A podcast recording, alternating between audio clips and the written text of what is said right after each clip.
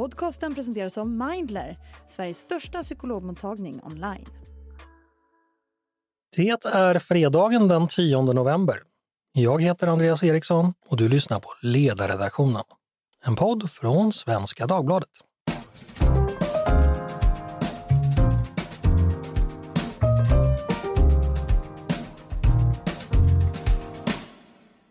Varmt välkomna till oss igen och till ännu en fredagspodd.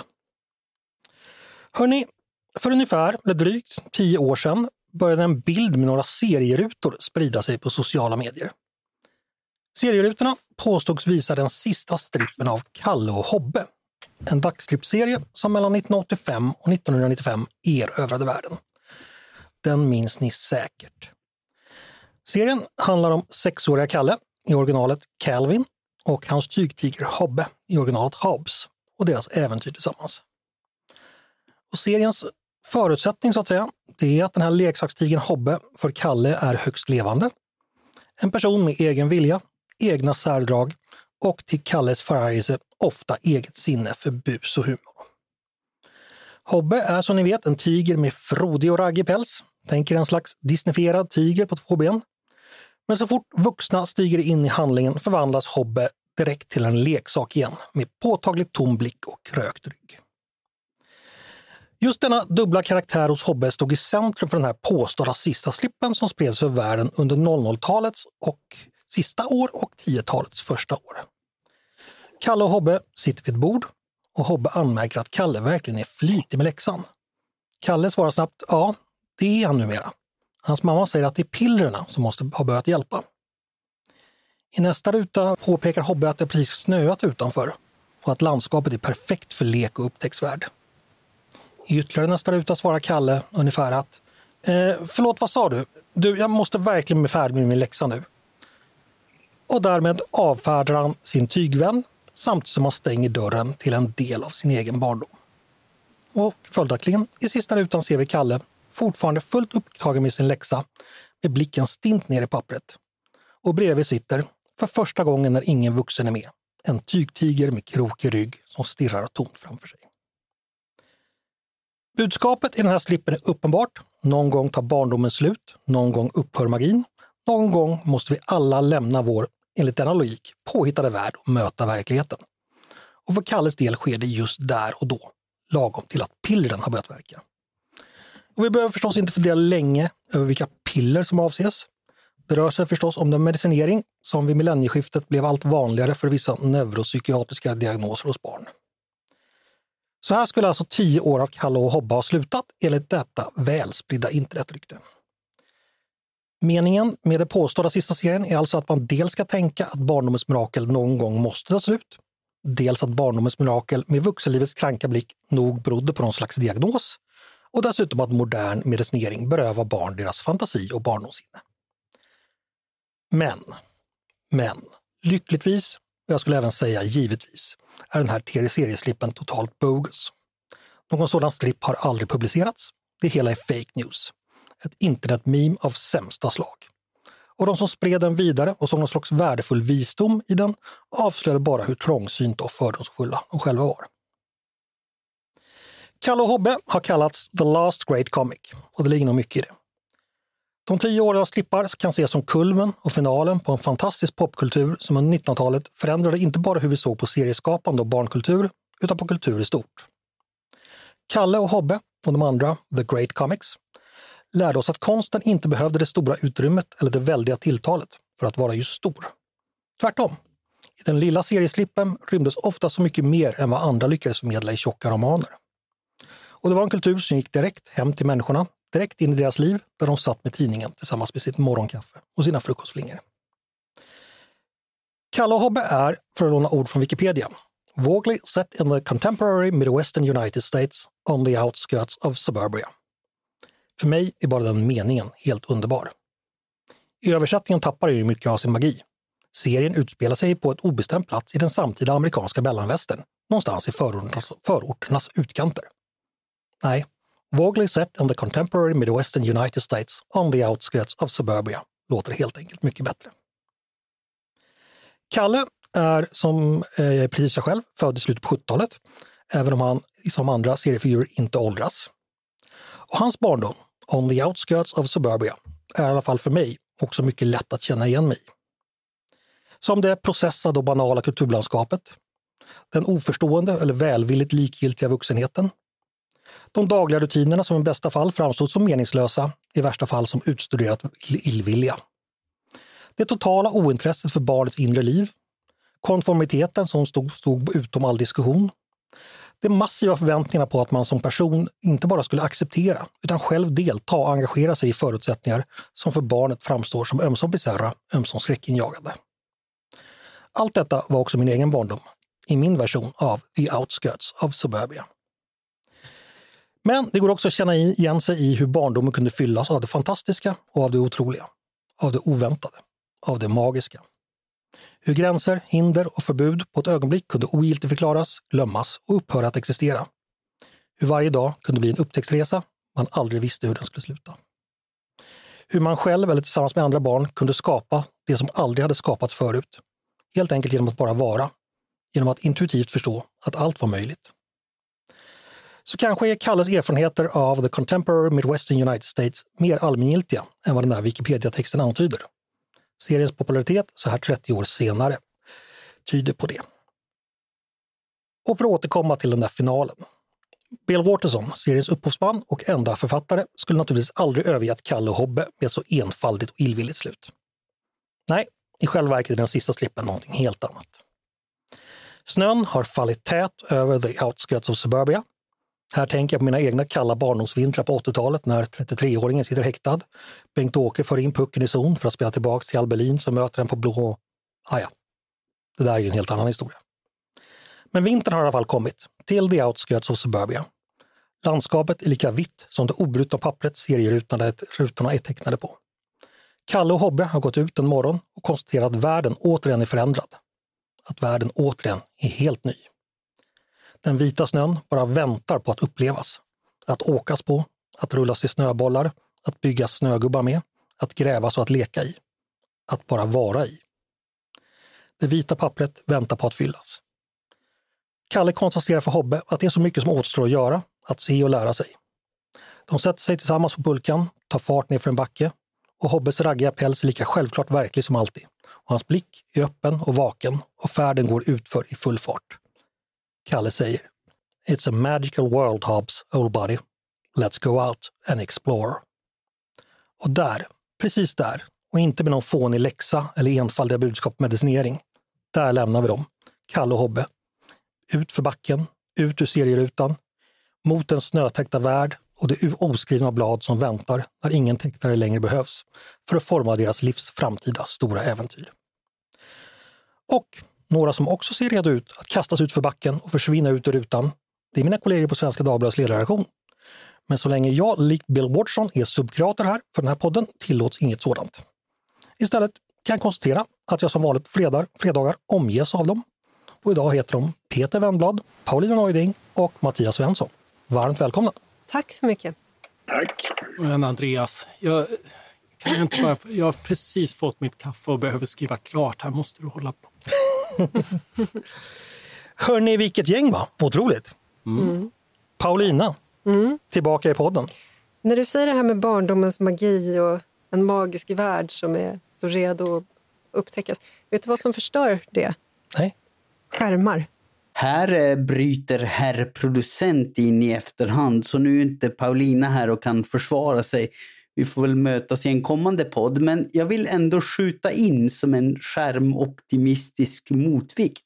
Min förvisso lyckliga barndom i det på många sätt väldigt lilla och ofta insnöade Gällivare, den hade nog varit väsentligt mindre magisk och mindre rik på fantastiska upptäckter om det inte vore för skärmar och internet. Underskatta inte skärmarna om du använder dem på rätt sätt så är de på många sätt magiska i sig. Gud vilket trevligt gäng man har här. Det var ett av två där som, och det blev skärmarna. Men eh, bara Paulina, eh, du är tillbaka. Mm. Den största comebacken sedan Stone Roses. Hur känns det? Fint. jag ska säga att Paulina, du har ju inte varit efterfrågad. Du har ju varit efterkrävd. Eh, mängder av mejl, kommentarer på sociala medier, som handlar om att vi övriga, vi är bara be- beigea nyliberaler eller folkpartister. Och att vi behöver denna edge queen från Täby. Och nu är du här igen. Tack så mycket, det var roligt att höra. För du lovar ju återvända sent i november och nu är det redan medio november. Så att det gick snabbt. Vad har du gjort? Jag, jag är som Filip Jonkan som kommer in i Muminhuset sent i november. Och skäller på skärmar? Nå, har ni skärmar? Du, vad har du gjort? Eh, jag har skrivit och eh, läst Mm. och eh, Kan du läsa? förkovrat mig. Mm. Det låter bra det. Eh, Mattias, hur är det med dig? Hur djup var sucken av lättnad i söndags? Och enorm. Mm. Det, det var som att gå in på ett litet privat ställe och sen komma ut två kilo lättare. Jag har ingen aning om vad du kan tänka syfta på, men ny, ny, eh, ja, Paulina gör obscena gester här i studion. Eh, Mattias, eh, 2024, vad väntar vi oss av den säsongen då? Ja, det blir väl samma skit, men det tänker vi inte på nu. Du, det är bara en vecka kvar till Liberalernas landsmöte. Är dansskorna blankade och fracken vädrad? Eh, ja, det är jag som ska fråga dig, för det är du som är eh, redaktionens folkpartist och som ska dit och umgås med dina partivänner. Alltså, det säger du, vilka anklagelser. Peter slutligen, direkt från glampingen och de förlängda säsongernas ö. Hur är läget? Ja, här är vi lite oroliga om vi ska bli magsjuka. Du- blivit, Jag hade en fråga om dig, faktiskt i min uppföljningsfråga. Klostridi, nej, Clostridium, Clostridium, eller vad heter det? ja, jag vet faktiskt inte riktigt, men det, det, de har hittat någon bakterie i dricksvattnet i Visby. Ja, det var den jag måste- försökte uttala. Ja, så jag fick eh, ställa mig och koka en stor kastrull med vatten igår för att skaffa mig dricksvatten för helgen. Du har inte varit inne, inne i Mattias lilla rum och kommit ut två, två kilo Nej, lättare? fan, skärp, nu får du klippa, sluta. Hör, hörni, bra, hör, härligt att ni mår bra. Eh, är det någon av er som har läst Kalle Hobby förresten? Jag har läst mycket Kalle Hobban när jag var Ja, visst. Ja. Var det någon av er? Inklusive, alltså jag älskade den där eh, tributen. Den sista? Ja. Som fejkade? Ja, och, och den, är, den sätter en sån klump i magen. Jag tycker den är sån här fantastisk, just den här dubbelheten. Är det, är det mognaden eller, och det rätta eller är det liksom någonting onaturligt som dödar fantasin? Och det är ju både och. Ja, jag tyckte det var banal som sagt. Det var liksom hela poängen med mitt, min in- inledning. Men man kan tycka olika. Ja, ja, ja, ja. Hörni, vi ska Du gå kan på... vara banal. Eh, Nej, det jag, kan du på, jag är faktiskt på inte. Matti, jag är på Mattias linje. Okej, eh, alla föredrar den då. Okej, eh, ja, okej, då får det vara så. Vi går på veckans ämnen. Som vanligt många och naggande goda. Mycket har hänt i veckan. Apropå på, på landsmöten. Eh, Kristdemokraterna har ju riksting i helgen. Mattia, eller Peter, hur många sänder vi från ledarredaktionen? Fem, tio, femton? Några Nej, till, rikstinget, till rikstinget sänder faktiskt ingen. Mm. Vi, följer, vi följer det på distans, på behörigt avstånd. Men är det inte lite så att Kristdemokraterna känns lite allmänt i mediaskugga just nu, Peter? Eller? Ja, alltså jag tycker väl i och för sig att nästan alla regeringspartier be- befinner sig i medieskugga därför att regeringen står i mediesolen. Mm. Då hamnar liksom partierna och deras innerliv i skymundan. Så kan det säkert vara. Eh, Jag kan faktiskt tänka på att vi borde kanske haft en podd om Kristdemokraterna. Det tror jag faktiskt aldrig vi har haft. I alla fall inte under min ledning. Jag pratar om nästan alla andra partier, men inte Kristdemokraterna. Eh, Så det borde vi göra. Paulina, kan du hjälpa mig att få kontakt med några kristdemokrater? Du vet väl att jag är gammal folkpartist? Säger hon och ler i Du mun. också! Ja. Är, är, det- det är väl bara... Eller du är också gammal moderat, va Peter? Ja, Ja. Mm. Peter och det är två och två. Mm. Det är väl bara jag som helt, helt kommer liksom från, från gatan direkt och aldrig har gått igenom någonting. Det här. Hörrni, vi ska gå vidare från Kristdemokraterna till en helt annan sorts påstådda demokrater, nämligen Vänsterpartiet. Då vänder jag mig till dig Mattias. Du har ägnat en del av veckan åt att läsa ett nytt förslag på, till partiprogram nämligen. Mm. Det kom i tisdag som ska behandlas på partiets kongress i vår. Och det är skrivet för att, som det heter, ge socialismen självförtroende och förutsättningar att ta initiativet från den nationalistiska högern. Mattias, om du hade varit socialist, hade du fått självförtroende av det här programmet när, när du läste? Ja, alltså, kommer du ihåg när vänstern åtminstone kunde slogans? Eh, krossa kapitalismen till exempel. Nu Ja. har de ju tonat ner till det där och skriver att programförslaget riktar in oss på att stärka det breda arbetet i dragkampen mot kapitalet. Det är inte lika skanderingsvänligt. Nej, kan, kan du försöka? Nej. Stärk det breda arbetet i dragkampen mo- mot kapitalet. Nej, okej. Eh, är det här signifikativt för, eh, signifikant för hela programmet? Alltså, är, det- är det åt det hållet man går? Eh, Ja, det är det faktiskt. Alltså man, eh, man tonar ju ner sig på ett par punkter. Det är, EU-träde är inte längre ett självändamål. Man skriver mildare om Nato. Man känner väl helt enkelt och man ska inte längre avskaffa kapitalismen utan man har ju kommit på att den är rätt bekväm att skylla på. Um, så därför kan man tänka sig att ha den kvar. Eh, men, eh, men det är ju liksom samtidigt ett... Eh, alla gamla marxistiska klyschor är kvar. Liksom. Det, är, det är kolonialtiden och det är allt från rasism till eh, snubbighet och sånt där är liksom kapitalismens fel och sånt där. Så, så, så gammelmarxister eh, får väl, nostalgiker och sånt där kan, kan fortfarande känna igen sig. Men det är trött. Och, och det är lite förvånande därför att eh, för eh, inför valet så kom ju en valplattform och den var mycket mer det du, eh, den ansats du läste. För då var de då hade de lite grann försökt att knäcka Sverigedemokratkoden. Det var liksom en sjuklöver som hade eh, liberaliserat Sverige och bara vänstern stod emot och En ville rädda tillbaka till eh, till liksom det förlorade paradiset som var förr. Då prövar de den retoriken, men, men det är ganska lite av det i det här programmet. faktiskt. För, för en fråga, eh, nu lät det ju som det var båda två, men om man tänker då, dels dra upp den här gamla marxistiska idén om klasskamp och så vidare och sen en sorts nyare vänster som handlar mer om mot sexism, rasism, för in postkoloniala, intersektionalistiska. Mm. Vad väger det tyngst där? Kan man se att det har blivit mer av det senare? Eller? Alltså det är både och. Alltså det är rätt rörande att under, eh, socialis- under rubriken socialisering så hittar du alltså inte ett krav på förstatligande av produktionsmedlen utan en kritik mot att vi socialiseras in i könsroller eh, hos liksom ett gammalt kommunistiskt parti. Men, men de har å andra sidan eh, andra formuleringar så de har formulerat om det här med, med statlig kontroll över produktionsmedlen till att det heter demokratisk kontroll numera. Så de är lite grann alltså reformsocialister idag. Eh, och eh, Skulle du säga att det här är ett steg till höger? nej, det är... Eller i alla fall alltså, bort från ja, vänster? Ja, ja det, det är ett steg bort från vänster, men det är samtidigt liksom alla, alla trygga invanda eh, så att säga föreställningar finns kvar, men de är trötta och det är ganska fascinerande för, för de har verkligen försökt att poppa till sig på olika sätt, men, men här eh, Ja, bara två år senare så låter det helt annorlunda och, och ganska, eh, ganska mediokert faktiskt. Hur långt var det? Det är bara 46 sidor, så det är inte speciellt ingenting. långt heller. Peter, jag släpper in dig. Hur rädda ska vi i borgerligheten vara för det här partiprogrammet, tycker du det låter som?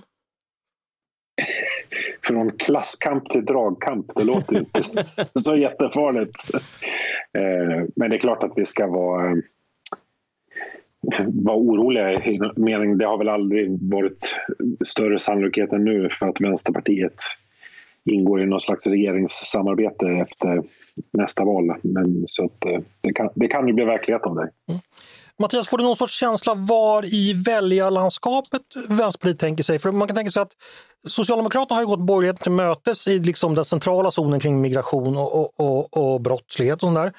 Miljöpartiet står ju liksom och väger, verkar det som, eller en olika, där, där Stenevi verkar vilja ta rollen som vänsterns stora kulturkrigare medan Helldén vill något annat. Vad kommer vi in på den här kartan med det här partiprogrammet? Går det att säga, tror du? På något sätt?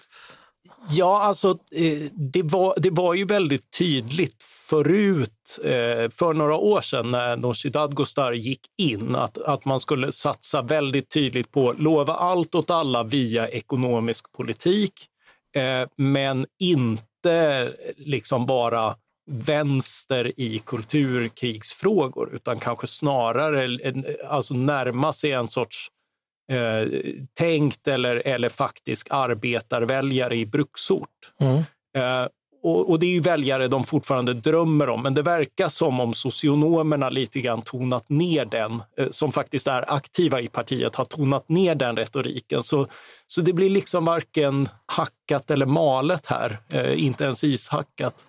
Eh, Peter eh, anropar cynis, eh, cynikern Wendblad. Hur viktiga är partiprogram generellt? Kanske ämnet för en egen podd, men spelar de någon roll? Ja, precis som du säger. Det är faktiskt, jag tror att det är lite beroende på parti och partikultur faktiskt. Vad som är, jag uppfattar ju att i Socialdemokraterna till exempel är det ju är det ju väldigt viktigt vad man har eh, kommit överens om på kongresserna. Ehm, Där har man varit republikaner i, i hundra år. Eh, ja, precis. Just den biten kanske inte är så viktig. Men, Medan andra partier, alltså till exempel eh, Sverigedemokraterna, jag vet inte om Jimmy Åkesson ens vet vad som, själv vad som står i Jag vet ju, jag vet ju inte någonting som äger rum i hans parti. Det skulle förvåna mig i så fall. Eh, Okej, okay. eh, spännande. Eh, Mattias, rekommenderar du läsning förresten? Eh, nej, jag har lite grann läst den så att ni slipper. För du eh, publicerade din text i onsdags var det va? Ja, när var det? Det, ja, det, det var i veckan i alla fall. Ja, men, men, men i alla fall, alltså, det har ju svängt en del så det är ganska förvånande att det inte blev någonting. För, för några år sedan så kommenterade jag faktiskt på Socialistiskt forum ett, ett tidigt utkast och då skulle de bli optimister. Det här är mm. ett par år sedan. Eh, då skulle de vara liksom den, eh, optimister för framtiden och sen slog det över. Så inför valet så var de eh, bittra och arga på sjuklövern. Liksom. Eh, och nu är de varken eller. Mm. och, och, och, det är lite dragkamp. Mm. så så, så det, ja, det är fascinerande. Det svänger. Jag undrar var det, var det landar i slutändan. Kom igen katten, det svänger. We love our pets, but when the floor is covered in fur, that's harder to love. Eufy X10 Pro Omni Robot Vacuum has powerful 8000 PA suction to make hair vanish from floors in just one pass. Plus, the roller brush has automatic detangling for easy hands-free maintenance. Want to know more? Go to eufy.com. That's EUFY.com and discover X10 Pro Omni, the best in class all-in-one robot vacuum for only $799. Hörni, vi ska gå vidare. Fredrik Kärrholm, riksdagsledamot för Moderaterna, eh, som tidigare förekommit ganska mycket på den här ledarsidan, har polisanmälts av sin riksdagskollega socialdemokraten Jamal El-Haj. Och det gäller förtal. Det som det, det konkret består i är ett Twitterinlägg som lyder så här. Citerar jag alltså Fredrik Kärrholm. Socialdemokraternas riksdagsledamot Jamal El-Haj är en säkerhetsrisk. Han har kopplingar till terroristorganisationen Hamas och sprider desinformation. Eh, Peter, vad tror vi om detta? Är det här ett klokt drag? Från, jag ska säga också att eh, partiledare Magdalena Andersson har, har, ställt sig bakom den här polisanmälan, eller uttalat att hon tycker det var rätt gjort. Är det här ett klokt drag från Socialdemokraterna, tror du? Nej, jag har väldigt svårt att förstå tanken bakom överhuvudtaget. Alltså, allt talar ju för att liksom rent rättsligt så kommer det läggas ner och jag vet inte jag kan ju tycka att en liksom, riksdagsledamot borde vara förmögen att gå i, gå i polemik snarare än gå till polis. Ja, man tycker att han borde ändå ha någon sorts arena eller plattform att, att liksom uttrycka sina åsikter, tänker man eh, spontant. Men, ja, nej. precis. Paulina, du som gick juridiskt gymnasium, är det här förtal? eh, ja, eller vad är förtal? Alltså, det, vi får se om det ens utreds av åklagare huruvida det är förtal. Men det finns ju dels då ett krav på försvarlighet och dels ett krav på eh, sen, sen, frågan huruvida det är sant. Och ni vet ju att Ebba Busch har ju dömts för förtal fast hon sa någonting som hon menar var sant. Mm. Så det är eh, först i andra läget man kollar sanningshalten? Så att Precis. Eh, men eh, det här är, det är intressant att Magdalena Andersson väljer att förhålla sig på det här sättet till den här riksdagsledamoten. Alltså, när, den, när de borgerliga partierna ingick eh, Tidösamarbetet, alltså när man bestämde sig för att bilda regering med stöd av SD, så stod Magdalena Andersson i riksdagen eh, i sitt avskedstal, eh, det var inte i riksdagen, men i, i sitt avskedstal så, så varnade hon för hot, hat och våld nu när man skulle samarbeta med SD. Eh, den varningen uteblir nu. Hon talar inte om hot, hat och våld i det här läget. Det tycker jag är intressant. Sen är det ju intressant. Ja, so- Socialdemokraterna kallade ju även till presskonferens inför valet för att prata om säkerhetsrisken med Sverigedemokraterna. Så att det, språkbruket har de ju använt själva. En intressant sak det är ju att uttalandet som polisanmälts eh, har gjorts på Twitter. Hade det gjorts på, eh, i tidningen i Svenska Dagbladet, då hade det varit en helt andra förutsättningar. Eh, Paulina, kan du bara kort berätta om det? Ja, alltså då är det ansvarig utgivare som, som är ansvarig och då kickar ett annat system in. Precis, och då är det ju bara JK som kan väcka, förtal, äh, väcka åtal också. Ja. Säger jag. Ja, så är det. Eh, Rejäla läxförhör här. ja, nej, det, det, är ju, det är ju så det fungerar. Jag försöker gå igenom termin ett på juristprogrammet här, men du är mycket snabbare än vad jag är. Så är det. Nej, men, nej, men det är ju så att vi har ett system med så kallad självsanering i, i, när det gäller pressen och då eh, så har lagstiftaren hållits betydligt längre bort ifrån vad, vad, vi, vad vi säger här liksom, exempelvis och vad som, som, som skrivs för att vi är då skyddade av eh, tryckfrihetsförordningen och yttrandefrihetsgrundlagen. Eh, Jaha, hörni, eh, det om detta. Eh, nu ska vi gå vidare och då ska vi tyvärr prata om mycket, mycket mörka saker. Eh, saker som jag egentligen inte skulle vilja att vi ska behöva prata om podden. Jag vet inte om alla som lyssnar vill lyssna. Ni kan förstås hoppa över. Eh, vi ska nämligen prata då om eh, det som har skett i, i Israel, Hamas överfall på, på Israel för en dryg månad sedan. Det var ju nämligen så att igår arrangerades en visning för journalister i Stockholm eh, där man fick se det material so, som eh, Israel på olika sätt samlat ihop, dels från, eh, ja, från flera olika håll. Eh, Mattias, du var på den här visningen. Det stämmer. Eh, vad var det som fick dig att bestämma att gå dit? Det var väl en, en, eh, en känsla av eh, ja, att, att, det, att det på något sätt ingår när man blir inbjuden. Att, att, att någon från vår redaktion var där. Nu, nu var vi två stycken och, och det föll på mig som också har skrivit en del om de här frågorna. Vad var det du fick se? Det var eh, bilder från eh, dels offrens, eh, alltså mobilkameror och liknande, dels eh, kroppskameror från, eh, från Hamas-soldater som dels, eh, dels offer som har kunnat tas och dels som de har visat upp själva i, i sina kanaler. Eh, och den tredje källan är eh, från israeliska soldater när de kommer till eh, de här platserna. Det är då dels från den här kibbutzen och dels från dansfesten som anfölls. Vi vet ju att de här bilderna innehåller exempel på mycket, mycket, mycket grovt våld. Kan du ge exempel på vad du, vad du fick se? Ja, det är, det är barn som mördas. Eh, det är eh, en familj som flyr, eh, försöker gömma sig. Någon kastar in en handgranat i det lilla utrymme där de har försvunnit och barn får då se sin pappa som det, det, är möjligt, jag vet inte om han faller för att han står framför dem eller att han slänger sig för att skydda barnen det är avlidna i alla åldrar. Även barn beskriver Ja. Mm. Och det är också hur... Eh, eh, en av de saker som, som är gripande är naturligtvis alla, alla människor som, eh, som, som försvunnit. Eh, och, och, och, särskilt, särskilt att se små barn. Mm. Fruktansvärt. Eh, det förekommer också det har förekommit uppgifter om halshuggningar. Fick du se exempel på det? Ja, alltså eh, det dokumenteras ju då hur eh, de här Hamas-aktörerna får order från sina överordnade att hugga av huvuden från, från döda kroppar för att leka med dem, spela fotboll med dem Eh, de får också order om att ta med sig dödade soldater eh, och även levande människor som tas ut till folkmassor i Gaza där, där de då sparkas på, trampas på, misshandlas, inklusive de som fortfarande är vid liv. De lynchas helt enkelt av ja, ja, det är, ja.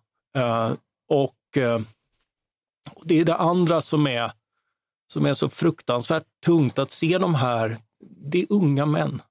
Det är unga män som, som borde ha firat sin student. Alltså förövarna? Där, förövarna. Mm. Uh, som är glada, som, som är uppsluppna. Det är förvisso uh, uppe i varv hysteriskt, men, men, men också liksom det här...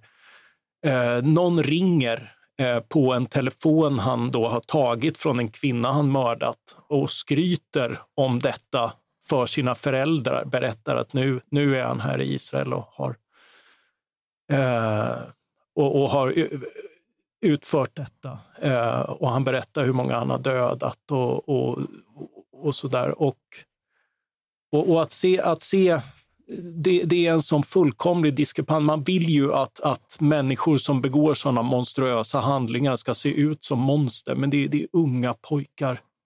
Och det, det är också fruktansvärt drabbande. Så här i efterhand, kan du säga att, ja, bra kan man kanske säga, men att det var viktigt att du fick se det här för du, du lärde dig någonting eller Ja. Ångrar du dig eller vad, vad tänker du? Nej, alltså det finns ju, det finns ju ett par lärdomar man, man måste dra av det här som man kan se av det. Och det, det ena är ju att det här är, det här är samordnat, det här är ordnat, det här eh, det finns i, i, alla fall, du ser ju bara de som är ute på gatan, du ser ju inte de som går därifrån eller är någon annanstans eller egentligen har, har samvetskval. Men det är stora folkmassor som, som jublar och, och liksom den här viljan att förnedra döda, eh, att, att liksom hugga av huvud, trampa på eh, sådär eh, framför kameran. Det, det, är ju också det är både liksom en sån här masspsykos, men det är också en, en påminnelse om att det här förväntas av dig från ledarskapet. Det, det finns en uppmuntran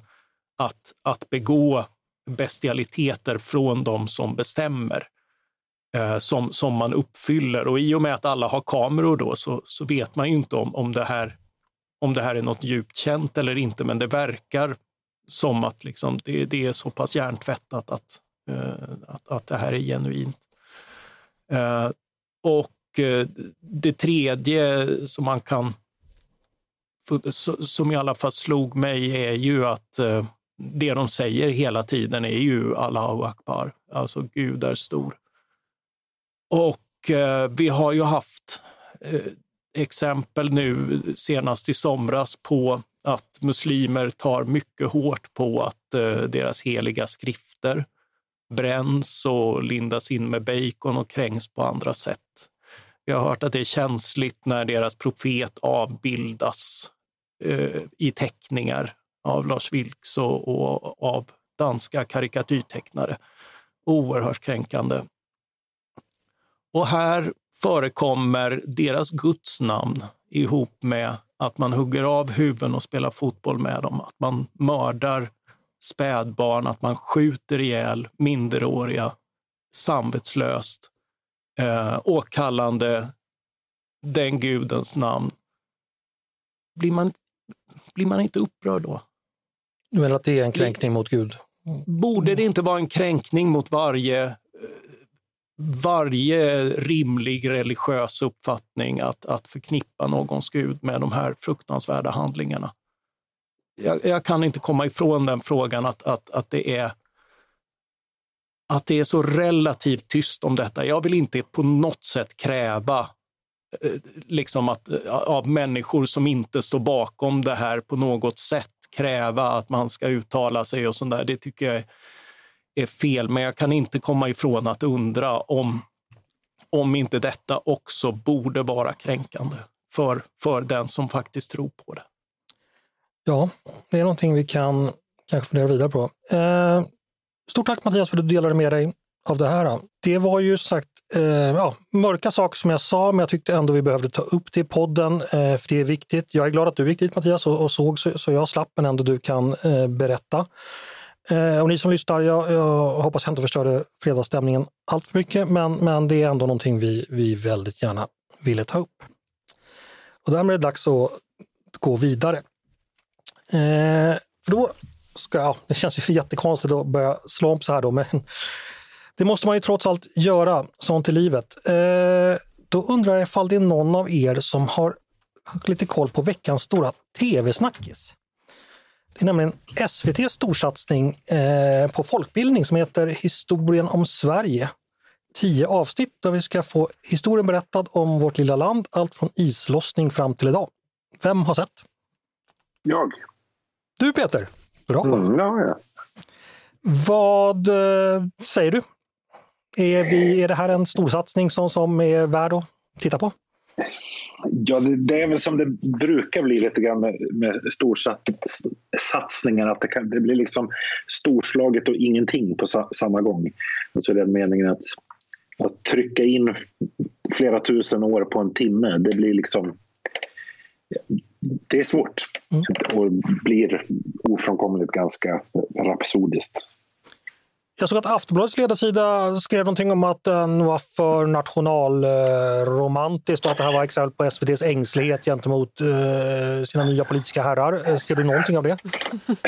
Ja, vad oväntat, den texten hade de ju kunnat skriva i förväg. Det är så rasistiskt med arkeologi generellt. Okej, så det var inte så. Eh, sen har jag sett en annan kritik också att eh, man, man har påstått, nu vet jag inte om de har sett serien, men att nu har man varit woke igen och försökt pilla på vår historia. Finns det något exempel på det?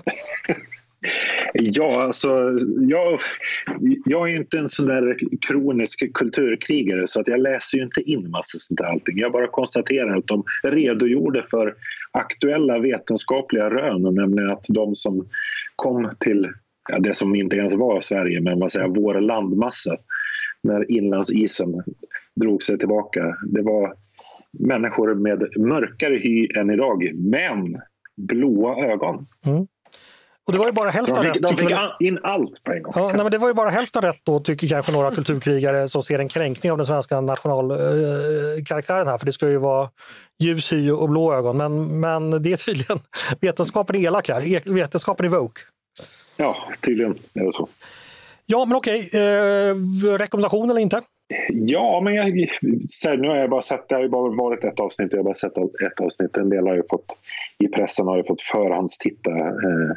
Men eh, jag tycker nog att det var rätt givande. Man blir ju inte doktor i historia av att se det, men, men ändå. Men det är man ju ändå. Eh, Simon J Berger, hur sköter han teleprompterläsandet? Funkar det bra? Ja, alltså, jag, apropå eh, Aftonbladets kultursida, eller det var väl ledarsida du sa förut, men på kultursidan, så, eller om det var Expressen, jag vet inte, det är så många kultursidor. Ja, så. Nå, någon som skrev så här, att han ler hela tiden, men, jag, men in, man, man förstår inte varför. och och li, lite den känslan hade jag också faktiskt. Han är liksom glad på ett lite eh, psykotiskt sätt. Om vi jämför honom med Herman då, eh, som, som i 30 år har varit vår historieberättande mysfarbror. Är han bättre eller sämre? Blir kungen rasande? Nej, Jag, tycker, jag, jag är nog team Herman här faktiskt. Mattias, blir du sugen på att se? Ja, jag blir sugen på att se väldigt mycket för andra bilder. Eh, Paulina, hur tycker du det här låter? Eh, Men jag, jag är övertygad om att de kommer göra någonting woke. Förr eller senare kommer Ja, det. förr eller senare. Jag har inte sett det. Jag har liksom sett... eh, Liksom Förr eller senare kommer en vikingamatriark som ska visa på någon feministisk Ja, teori. Ja. Ja, eller så här, ja, först migrerade folk till Sverige och folk har alltid migrerat och nu migrerar man igen. Och det, och det, det är ju lögn så för alla som vet att svenskar har fötts i den svenska klippan. Nej, men det kanske är skillnad på nybyggare och migration. Alltså, Nej, men i, i, det- i, det- i utan att ha sett Nu, Pep, nu får, okej, Ja, men jag Paulina. måste bara säga, utan att ha sett och efter att bara ha uppfattat fragment av debatten så vill jag ändå säga detta, att jag känner starkt att det kommer komma någonting woke. Men då kommer jag finnas här. Okej, eh, Men, men det, det är ju så, alla måste kunna få bli kränkta av en tv-serie. Det är ju en del av det nya Mm. vi samlas kring. Det spelar ingen roll att det inte är sant. Peter som faktiskt har, Ja, har sett tv-serien ska få ska få säga något avslut. Varför har han större rätt att prata än vad jag Ja, har? men i, det, I den mån det liksom är pajigt så är det ju mer så här att de här urtidsmänniskorna de är lite för välfixade i håret. Och det, ja, det, det känns inte riktigt... eh, his, skildringen av de här människorna känns inte riktigt historiskt trovärdig i alla avseenden. Är det mycket drönarskjuts över Ale stenar? Oj, oj, oj. Ja, du anar inte. Jag tänker på det. Hörni, vi ska gå vidare och då är det dags eh, för dig Paulina. Och då ska du få prata lite akademisk frihet och politisering av akademin. Mm. Eh, berätta, eller jag kan säga så här, i USA har ju efterdyningen av Hamas överfall på Israel följts av stora kontroverser på universitet. Vi kanske börja i den vändan. Ja, precis. Nej, men det, det Eh, som, berätta. Jag, jag har skrivit en text till på måndag. ehm, och det föranleddes egentligen av någonting relaterat, nämligen att det är ett nytt universitet som heter University of Austin som fick sin licens nu i veckan. Mm. Ehm, och University of Austin är det första elituniversitetet som grundas på väldigt många år. Och elit i meningen att det är väldigt framstående eh, akademiker och eh, intellektuella som har gått samman för att, för att starta någonting nytt. Och det har surrat väldigt mycket om namn som Steven Pinker, Deirdre McCloskey. Sen har Steven Pinker sagt att nej, han är inte med. Nu så sa han att eh, han tycker visst att det här är jättebra. Men eh, Neil Ferguson, historikern, är, är en profil, Ayan Hirsi Ali är en annan. Barry Weiss, eh, som inte är akademiker men som är en av de här intellektuella i kretsen kring det här. Mm. Eh, Rob Henderson, som jag har pratat om många gånger, som, som har detta med lyxåsikter, Mm. eh, som vi har pratat om i podden också. Så det, är väldigt, det är massa tunga namn och ambitionen är ett nytt elituniversitet. Och det är inte bara online, utan man, eh, man bygger ett campus i sån här, ni vet, klassisk amerikansk eh, klassicistisk stil. Liksom det ska se ut, det ska vara rotundor och det ska vara pelare och det ska vara liksom sådär. Ehm, och eh, slogan, den slogan som de har är Dare to think. Alltså våga tänka. Mm. Så medan så här, tänka stort, tänka rätt, det kanske är en daterad diskussion. Det kanske är tänka överhuvudtaget som är... Och det, det säger jag bara halvt på skämt, därför att Mm. på tal om det vi du då har sett, men- som du nämnde, efter, efter den här massakern. Alltså det, det har varit... Eh, vi har sett saker från elitinstitutioner som är väldigt illavarslande, som säger att det Mm. kanske behöver byggas helt nytt. Helt enkelt. Men det här beslutet du, har varit under flera år. Vad är det specifikt man vänder sig emot på de etablerade elituniversiteten? Vad är det för någonting man vill komma bort ifrån? Ja, men det är politisering och eh, den här mobbingen av oliktänkande. Alltså Cancellerings... cancellering, det här vi har sett på Yale, liksom en mobb som går på en eh, lärare, en professor, jag kan inte säga vad det är, ja, men en, en lärare för att de tycker fel eller säger fel eller uttrycker sig på fel sätt. Och då har man liksom byggt in i det här nya universitetet en ny typ av kontroller, alltså checks and balances, där man har en, eh, Neil Ferguson bes- beskriver det som att det finns en, en, eh, ja, en, en rättslig gren som liksom håller koll på de övriga så att, så att man faktiskt garanterar yttrandefrihet. För det, jag menar, alla universitet pratar ju om att det är så fint med yttrandefrihet, men det ser annorlunda ut i realiteten. Mm. Det, det Paulina säger, jag kan nämna några exempel. I Columbia University, det var 130 lärare som skrev ett öppet brev efter terrorattentatet där det beskrevs som en military action, alltså som del i någon- något sorts rättfärdigt krig. På Harvard hade vi Harvard Undergraduate Palestine Solidarity Committee eh, som då eh, attackerade en judisk student som, som filmade deras manifestation och jagade där bort honom. Och man spärrade vägen för honom och skrek shame, shame, shame. I New York hade vi exempel på judiska studenter som i samband med en eh, pro-palestinsk demonstration eh, helt enkelt fick låsas in på biblioteket för, för hotbilden var så stor. Eh, ja, vad ska jag säga det? Det har, det har exploderat de senaste veckorna. Det är mycket som har exploderat de senaste veckorna. Det, är Mm. mycket, det här har verkligen varit en spegel som har hållits upp mot vårt samhälle och det kommer fram saker som är väldigt illavarslande. Mm. Men, men sen så finns också överhuvudtaget den här aspekten, hur, vad får man säga? Hur mycket får man debattera? Ehm, och, ehm, och jag tror att det är så här, den här sjukan den den har gått in i de här institutionerna på ett sånt sätt att det kanske är så att man får bygga nytt. Och, och det var ju Barry Weiss, då, en av de här grundarna som jag har också återkommit till i podden, som, som var på New York Times och var New York Times stora stjärna på ledarsidan där. Och sa, jag bryr mig inte om det här, jag bygger någonting nytt. Och sen så har hon då startat den här The Free Press som hon har med också en massa, massa tunga namn. Och eh, de har varit otroligt bra, inte minst nu de här veckorna. Så att man kan helt enkelt, eh, det, det kanske kommer någonting gott av det här, alltså bättre. Men det du beskriver är ju mer eller mindre ett intellektuellt inbördeskrig i framförallt amerikanska intellektuella kretsar. Men så är det ju i allting. Alltså, det är så djupa klyftor i alla sammanhang. Det finns liksom inte en golfklubb kvar någonstans i västvärlden där man inte liksom försöker vrida nacken av varandra. Ehm, Det är det, det, är liksom, det är det som är vår tid. Var, någon kallade det för permakonflikt. Det, det är någonting sånt vi befinner oss i och det är inte så konstigt att det då startas. Mm. Jag tänker på Greta Thunberg, hennes klimatrörelse och deras tal om Israelstyrda mm. Lygen Media för två veckor sedan. Vi pratade jättemycket om det. det och jag menar, Greta Thunberg är ju ett jättebra exempel. Det här är en människa som på allvar jämfördes med Jesus Kristus i Sverige. Av vem då? Av Svenska kyrkan. Det var som fan. Uh, Mattias sitter och fnittrar. Uh, ja. nej, nej, men alltså, det här var ju hon var ett barn när hon lyftes fram och det skulle vara liksom, det, det fanns liksom en helgonmystik kring Greta, att hon talade sanning med, med barnets oskyldighet. Och, och, det skulle inte ifrågasättas, för om man ifrågasatte Greta då mobbade man Greta och då var man dum mot barn, så det fick man inte göra. Och det här barnet skulle då resa på ett heligt sätt över vattnet.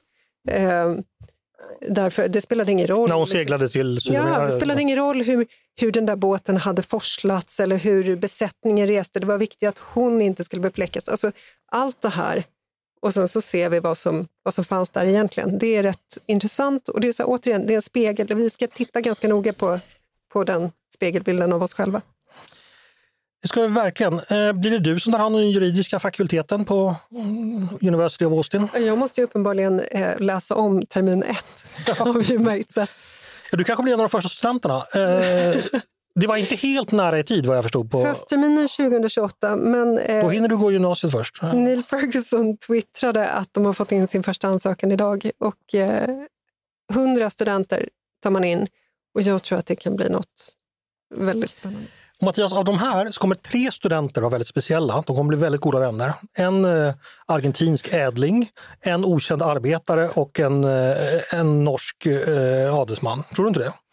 Eh, jo, men det är lite lovande. Ja. Eh, lite Patrick Henry-universitetet. Nu blev det väldigt smalt helt plötsligt. Är det här Ayn Rand? Ja, det här är Ayn Rand. Självklart vi hade... är det en litterär referens. Vi hade lika... Ja, Mattias. Men alltså, jag tycker att det här är eh, så livgivande på många sätt. Alltså, det här är ju föredömligt genom att man visar att vi bygger ett alternativ. Eh, vi, vi är inte bittra, vi, eh, vi kritiserar, men inte bara, utan vi formulerar. Vi gör någonting annat, vi, vi visar vad som är möjligt och, och, och bygger någonting eget. För det här är ju problem som finns. Utöver de här stora, eh, jätteknasiga grejerna så finns det ju strukturella problem i inte minst eh, den amerikanska anglosaxiska akademin att eh, att, att man, det finns, det har tagit över framför allt på samhällsvetenskapen så att det är exotiskt att vara republikan. Eh, det är exotiskt att inte vara vänster i bred eller smal mening och sådär.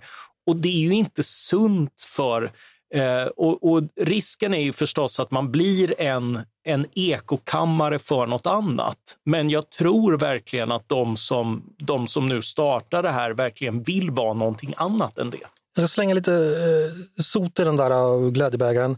Vi har ju pratat om att högerns 1968 har precis varit. inte det här någon sorts grej som vänstern höll på med på 70-talet? Nu startar vi alternativa institutioner och så blir det bara pajigt av det hela. Finns det inte en risk?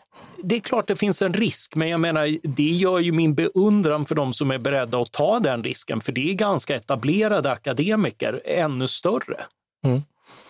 Eh, Paulina, vad tror du om den risken att det liksom blir... Ja, men det, det, allt kan hända, men alltså det, som är, det händer så... Nu, nu var det en konferens i London precis, eh, en nystartad organisation som heter Alliance for Responsible Citizenship.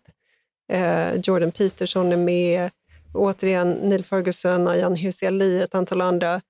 Eh, och det här tycker jag man ska titta på på Youtube, för det liksom, så här, det finns en vilja att bygga någonting och inte bara sitta och säga så här, världen är extremt otäck just nu. Det, är, det finns institutioner vi trodde vi kunde lita på som vi inte kan lita på. Det är en massa saker som går i fel riktning. Ja, men låt oss då försöka göra det bättre, inte utifrån några nya principer. Det är inte revolutionärt på det sättet. Det är ju att gå tillbaka till, eh, när det gäller universiteten, bara gå tillbaka till de här universitetens egna ursprungliga principer, men faktiskt vara trogen dem. Man sitter där i togan i sanden och ritar med pinnar. Mm.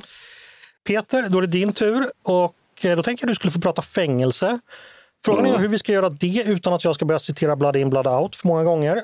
Men, men du har ju skrivit i veckan att fler i fängelse kan bli ett helvete. Och här går ju borgerligheten och Socialdemokraterna och drömmer om att slänga folk i fängelse.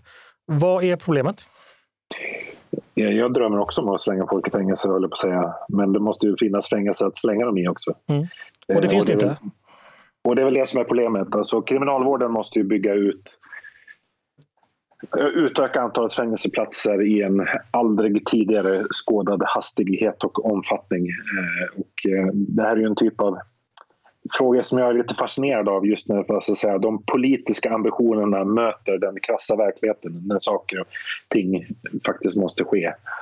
Eh, och ett fängelse är ju i slutändan ett hus. Så det, är liksom, det är byggnader som ska uppföras, det är personal som ska rekryteras, det är Eh, personal som ska utbildas och, och eh, det tar tid och är svårt. Mm. Och, kriminal, och kriminalvården har ju återkommande larmat om att ja, de kanske inte säger uttryckligen att det inte går, för det säger sällan myndigheter, men de har sagt det på, i praktiken har det är det de förmedlar. Du skrev tidigare i, år, i februari, eh, håll småbrottslingar borta från fängelserna just med det här argumentet. Eh, har du blivit bönhörd där, tycker du? Nej, det har jag inte blivit. Alltså, det är ju en del av kriminalvårdens budskap också att här, man, kan, man kan höja straff eh, och det behöver man göra men man behöver göra det med urskiljning. Eh, och ett exempel på att man inte riktigt har lyckats med är ju då den här att man skärpte straffen för all typ av narkotikaförsäljning den 1 juli. Eh, till ett, minimistraffet höjs från böter till sex månaders fängelse. Mm. Och ba, bara den straffskärpningen räknar kriminalvården kommer kräva två nya stora anstalter. Eh, och risken naturligtvis med överfulla eh, anstalter med, med, med dåligt utbildad personal som dessutom är för få, det är ju naturligtvis att det inte blir så bra miljöer helt enkelt. Ja, men vi ser ju problemen redan, alltså en del av problemen ser vi ju redan nu. Det vill säga att kriminalvården infiltreras av personer med kopplingar till eh, gäng eller eh, släktbaserade nätverk. Eh, och det problemet lär ju inte bli mindre när man ska panikrekrytera tusentals människor. Givetvis är det så. så dessutom så håller kriminalvården på, vad jag förstår, eh, kvoterar. Alltså man, man försöker få in människor, eh, tjejer, människor med utländsk bakgrund. Eh, och, och, det är inte riktigt läge att göra det i det här allvarliga läget vi befinner oss i, utan man måste ju, det, det är liksom extra viktigt att man, man verkligen går på Eh, kompetens. Inte för att de grupperna skulle sakna det, men att ja, det är det man tittar jag på. Är inte, jag är inte så eh. säker på att det i alla lägen handlar om kvotering. Utan sen ska man rekrytera så mm. många människor eh, som kriminalvården måste göra, då måste man ha största möjliga rekryteringsbas. Du kan inte bara rekrytera ja. vita män som går på gym. Nej, men det, det, är ingen som efterfrågar det. Däremot att aktivt säga vi behöver eh, fler kvinnor i ett sånt här läge, det tror jag är att ta en stor risk. Varför det? Ja, därför att man, man tittar på annat än huruvida du klarar jobbet. Alltså, okay. Det, det, det jag tror Peter menade var att ja, jag, man helt enkelt försöker bredda rekryteringen genom att... Ja, men det är väl ingen som sitter och tänker så här, vi ska bara ha män som går på gym. Det är liksom aldrig så man har tänkt heller. Ja, men, ja, men, men alltså, jag skulle säga så här, kriminalvården liksom äldreomsorgen befinner sig i, i det läget nu att man bedömer inte människors kompetens. Man bedömer om de överhuvudtaget är kapabla att utföra sina arbetsuppgifter ja, ja. På, ett, alltså, utan att, på ett någorlunda professionellt sätt. Mm. Ja, selektionen har inte kickat in. Nej, men det, och det finns mycket där. Alltså, jag skrev en text för inte så jättelänge sedan om kriminalvården och hur otroligt utsatt personalen är. Alltså när, man, när det är extra viktigt att försöka förhindra infiltrering och så vidare, att det fortfarande är så att personalen måste ha namnskylt på sig. Um, intagna har tillgång till internet. Det, du kan liksom googla rätt på var personalen bor någonstans direkt. Och Det betyder ju att liksom, eh, du har tusen interaktioner om året med intagna. Kommer du i varje interaktion ta största möjliga risk att de blir sura på dig? Det, det kommer man inte att göra. Mm. Det är någonting vi funderar får fundera på inför framtiden. Eh, ja, Peter, vad var budskapet? Ville du bara eh, ja, nej, varna? Men, eller vad, jag, tänkte, jag, jag, tänkte precis säga det. Alltså, här, mitt budskap är att jag vill och, tycker också att det är bra och viktigt att skärpa straff eh, och vi måste liksom få bort den systemhotande brotts... Göra allt vi kan för att liksom mota tillbaka den systemhotande brottsligheten. Men det behövs urskiljning. Alltså, för att annars kommer vi översvämma fängelserna och det blir, de blir i praktiken fritidsgårdar för fortsatt eh, brottslighet. Alltså det, har, det, ser man ju från andra delar av världen med, där man har den här kroniska och stora överbeläggningen. Att det blir ju i praktiken platser där fångarna, som, där fångarna själva styr. Mm. Det var dystert. Eh, då får vi snabbt gå vidare. För nu tycker jag, nu säger jag att det är dags för ett av mina stora favoritmoment. Det som vi kallar svardirekt, då vi stresstestar våra ledarskribenters politiska reflexer och förmåga att snabbt, blixtsnabbt till och med, skilja gott från ont och sant från falskt. Det går helt enkelt till så att jag likt en inräkning från Pimme som ser till att Gurra drar igång kompet räknar in mina kollegor på några nyligen lagda förslag eller andra aktuella frågor. Och jag ber dem kompa. Kompa gör man förstås genom virvel för ja, bas för nej, puka för jag fattar inte frågan. Det vill säga man svarar ja eller nej eller för eller emot. Och det hela ska gå jäkligt fort. Man förväntas helt enkelt ge svar direkt. Är ni redo? Mm. Jag ska totalvägra. Socialdemokraterna de kräver en reglering av innehållet i sociala medier på EU-nivå. Detta meddelar man i veckan. Närmare bestämt handlar det om, som man säger, reglera nätjättarnas roll, deras publicistansvar och säkerställa att de inte fungerar som rekryterings och radikaliseringsplattformar eller inkomstkällor för vare sig gäng eller extremister. Detta på grund av att, vi, eh, av att vi och våra barn, som det heter, översköljs på sociala medier av innehåll från gängmord, pressträffar med gängledare, propaganda från terrororganisationer, koranbränningar, fasansfulla krigsbilder och ren desinformation. Vad tänker vi om detta? Bör EU reglera innehållet på sociala medier i den riktning S föreslår? Ja eller nej? Jag vill ha svar direkt. Nej. Nej. Nej. Paulina? Jag trodde nästan du skulle svara ja. Ja, inte i EU. Nej. Eh, men eh, jag tror att man behöver reglera vissa, hitta sätt att reglera, ha en normal reglering också på internet av vissa saker. Eh, Pressträffar från gäng, eller? Eh, nej, men eh, ni fattar vad jag menar. Men det, mm. det är inte en fråga för EU. Okej. Okay. Peter, var det självklart för dig att svara nej också? Jag säger bara lycka till. Mm. alltså, det, det, var väl det mitt nej baserade på. Jag har, det låter som ett kaninhål. Ett juridiskt och politiskt kaninhål. Måste man ha läst mer än, än termin ett för att klara av det. Då fortsätter vi. I söndags stängde Stockholms medeltidsmuseum för sista gången på sina hittillsvarande lokaler, det vill säga på Helgeandsholmen. Det vill annat man har legat under mark eh, och kunnat visa upp en del av Stockholms medeltida stadsmur. Den som grävdes fram på 1980-talet. Eh, nu ska museet ut eftersom riksdagen ska få ett nytt besökscentrum. Vad tycker mina kollegor om detta? Besökscentrum istället för museum. Är ni för eller emot? Jag vill ha svar direkt. För. Emot, såklart. Jag har verkligen ingen aning. Peter, varför är det fantastiskt att ha ett besökscentrum? Ja, här, här är ju som tv-serien, nämligen att jag var på Medeltidsmuseet i förra veckan. Ja. Tänkte att nu ska jag passa på. Och du, nu ska eh, skiten ut tänkte du, eller? Nej, men alltså, alltså, jag kände, alltså, min ärliga känsla efter att ha varit på Medeltidsmuseet så bara, what's the fuss? Alltså, det, det var inte... Visst, det är ett museum som är i en där man har gjort en arkeologisk utgrävning och centrum i liksom museilokalen är den här gamla eh, muren. Då. Men i övrigt så är det ju en ganska medioker museiutställning som inte borde vara några problem att flytta på. Ingenting mot fornsalen? Precis. Som dessutom är ett privat museum. Paulina, du är upprörd över det här eh, kulturskymningen. Berätta. Mm -hmm. Nej, men nu har man, det, det är ju byggt kring Stockholms stadsmur. Det är väl jättespännande och roligt. Och besökscentrum låter som så här... Eh, det är säkert något Vogue med det. Nej, men jag ser liksom De hur kommer det, att kvotera in. Resecentrum, tågvärd, besökscentrum. Det är så här, ni vet, sånt där som man bygger nu ja. som, som ska vara själlöst och eh, min, deprimerande. Min, min, inställning är följande. Ett medeltidsmuseum kan du faktiskt ha precis var som helst. Ett besökscentrum för riksdagen, det bör rimligen ligga vid riksdagen. Hörni, tack ja, för jag. Jag har nog övertygats av Peters argumentation. Oh, och, och, och glider ännu in i folkpartistatusen här. Hörni, vi ska gå vidare. Eh, och då tycker jag vi säger att det är dags för mitt stora favoritmoment.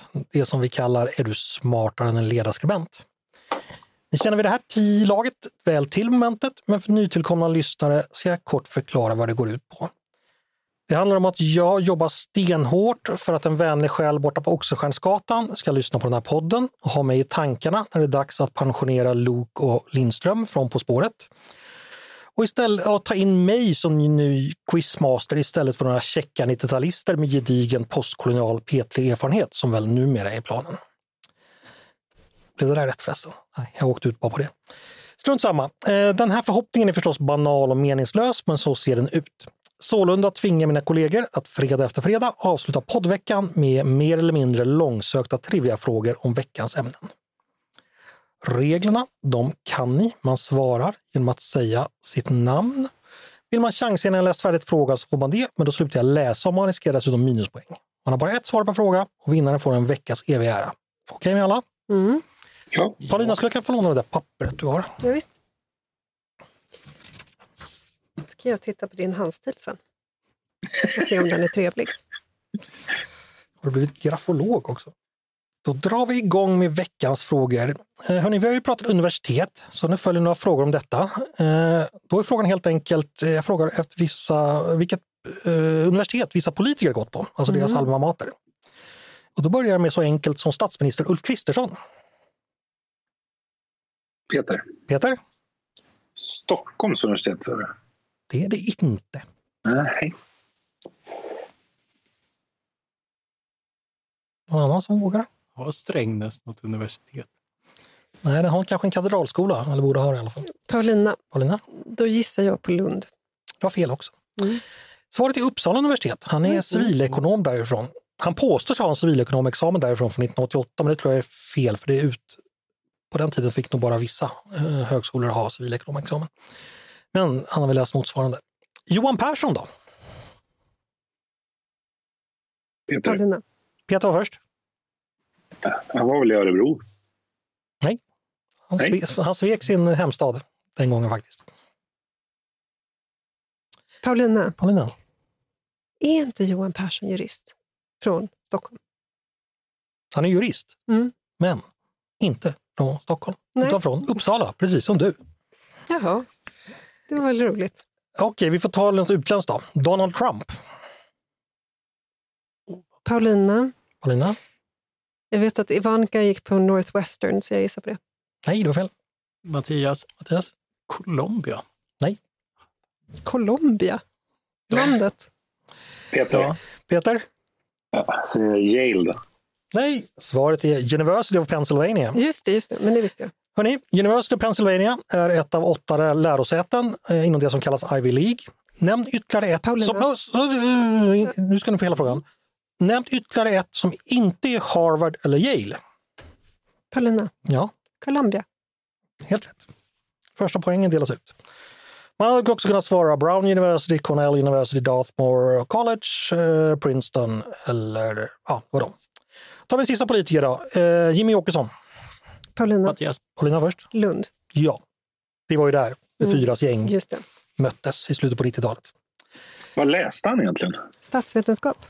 Ens, eh, alltså Ingen enstaka kurser. Ja, han har ingen examen, men Mm. han har pluggat där. Då slutar universitetsomgången med att Paulina har två poäng och ni andra har ingen alls. Eh, hörni, vi har ju diskuterat Vänsterpartiet idag också, så några frågor om detta parti. I början av 2000-talet förekom en intern diskussion i partiet om den framtida inriktningen. Vad kallades den grupp under bland annat Johan Lönnroths ledning som kritiserade utvecklingen inom partiet under Lars Ohlys ledning? Oj, det sprakade ja, till ja, i ja, ja, jag har det på tungan. Men... Johan Lönnroth var en av dessa dissidenter kan man säga. Mm. I början av 2000-talet. Ja, början av mitten av 2000-talet kan man säga. Efter att Lars Ohly tog över så tyckte man att partiet gick i för traditionell riktning. Då bildade man den här gruppen. Nej, Ja, Matti, alltså, Mattias? hette de också Reformisterna? Nej, det gjorde de inte. Du tänker på... på Ja, våra- jo, jo nej, men det var något liknande. Peter, det här trodde jag du skulle kunna. Nej, jag hade faktiskt samma tanke som Mattias. Hette de inte Reformisterna? Nej, de hette, nu kommer, jag, nu kommer ni säga åh, Ja. vägvalvänster. Just det. Ja, Ja! ja. Åh! Hörni, mer interna vänsterstrider. 1929 splittrades partiet efter att ett antal ledande politiker uteslutits ur Sovjetstyrda Komintern. Denna grupp bildade ett eget parti som ofta namnges efter sin ledare. Vad hette den ledaren?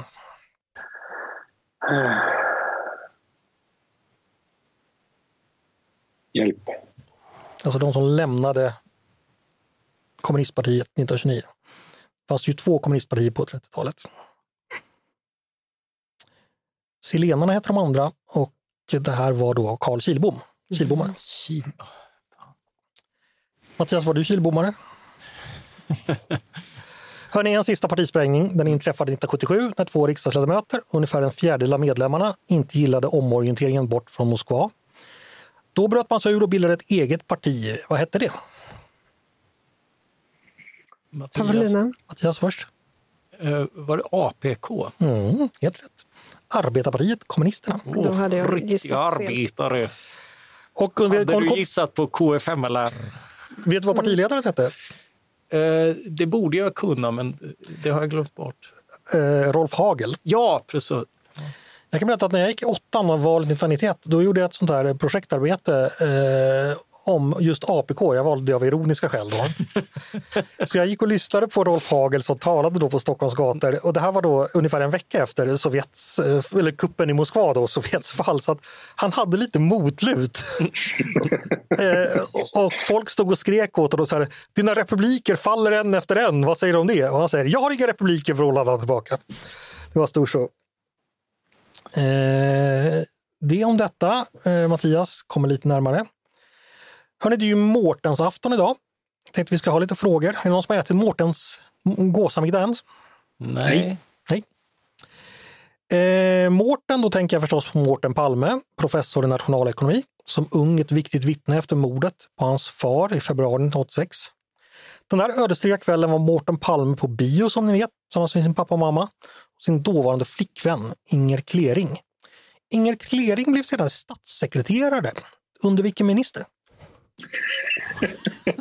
Det, det, var, det var en lång kedja. Mm. Mm. Eh, Peter. Låt höra. Allan Larsson. Allan Larsson? Ja. Det var fel. Paulina? Paulina? Kjell-Olof Feldt? Det var fel. Eh, Ingvar Carlsson. Varför tror ni att det var en socialdemokrat? Oh, tjusigt! Lena Andersson Liljeroth, är hon bekant? Oh, oh, oh, oh. Hörni, Ja, det är ju borgarkretsar. Ja. mer Mårten. Eh, Mårten Gås är ju mer eller mindre livegen dräng hos farmor Anka. Men vilken släktrelation har egentligen Mårten med seriens huvudperson, Kalle Anka, enligt det numera officiella släktträdet? Paulina? Paulina? Båda är brorsöner. Jag gissar att de är kusiner. Det är de inte. Nej. Peter. Peter? Då får de väl vara sysslingar då? Snyggt! Det är de faktiskt, om jag har räknat Oh! rätt. Det är nämligen så att Mårten Gås är farmor Ankas brors dotterson helt enkelt. Men, men, men det här är ju väldigt smalt får jag ju säga. För Paulina ser väldigt skeptisk ut. Eh, Känner du till Mårten Gås? i En gås ska väl vara fet? Det, ja, det är så roligt för att Andreas råkade nämna för mig att han, att han skulle ställa frågor om Mårten Gås. Och jag sa då, Andreas kommer säkert ställa frågor om Mårten Gås i Kalle Anka. Det var så otroligt förutsägbart. Så otroligt förutsägbart. Hörni, mer, mer gäss. En eftertraktad produkt från Yes, det är ju deras levrar. Produktionen av gåslever har dock länge varit mycket kontroversiell. Varför? Paulina. Paulina först. för att de trattar ner mat i gässen med, eh, ja, tvingar Ja, tvångsmatning. tvångsmaten. Mm. Tre poäng eh, Paulina, två poäng, eh, ett poäng till övriga. Mer Mårten. Eh, Mårten Schultz heter tidningens juridiskt sakkunniga kolumnist. Han är professor i vad då? Paulina. Paulina? civilrätt. Det var han verkligen.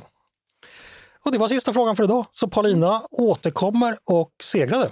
80-talet vann över 70-talet, kan man säga. Ja. Nu inser jag att det var det var ju, lite... det var ju en, ju på en juridikfråga. Ja, jag, jag, jag tänkte precis det. Det, det. det var lite billigt där. Men, men Peter, hon måste ju känna sig välkommen tillbaks. Liksom, sådär. Ja, du vet, ja. absolut. Det var, det var, eh, det var Och ni vet det här med kvotering och allting. Som, som, Ja, precis. Hörni, Nini, eh, det där var allt jag hade att bjuda på idag, som jag brukar säga. Känner ni er nöjda med det? Mm. Ja då.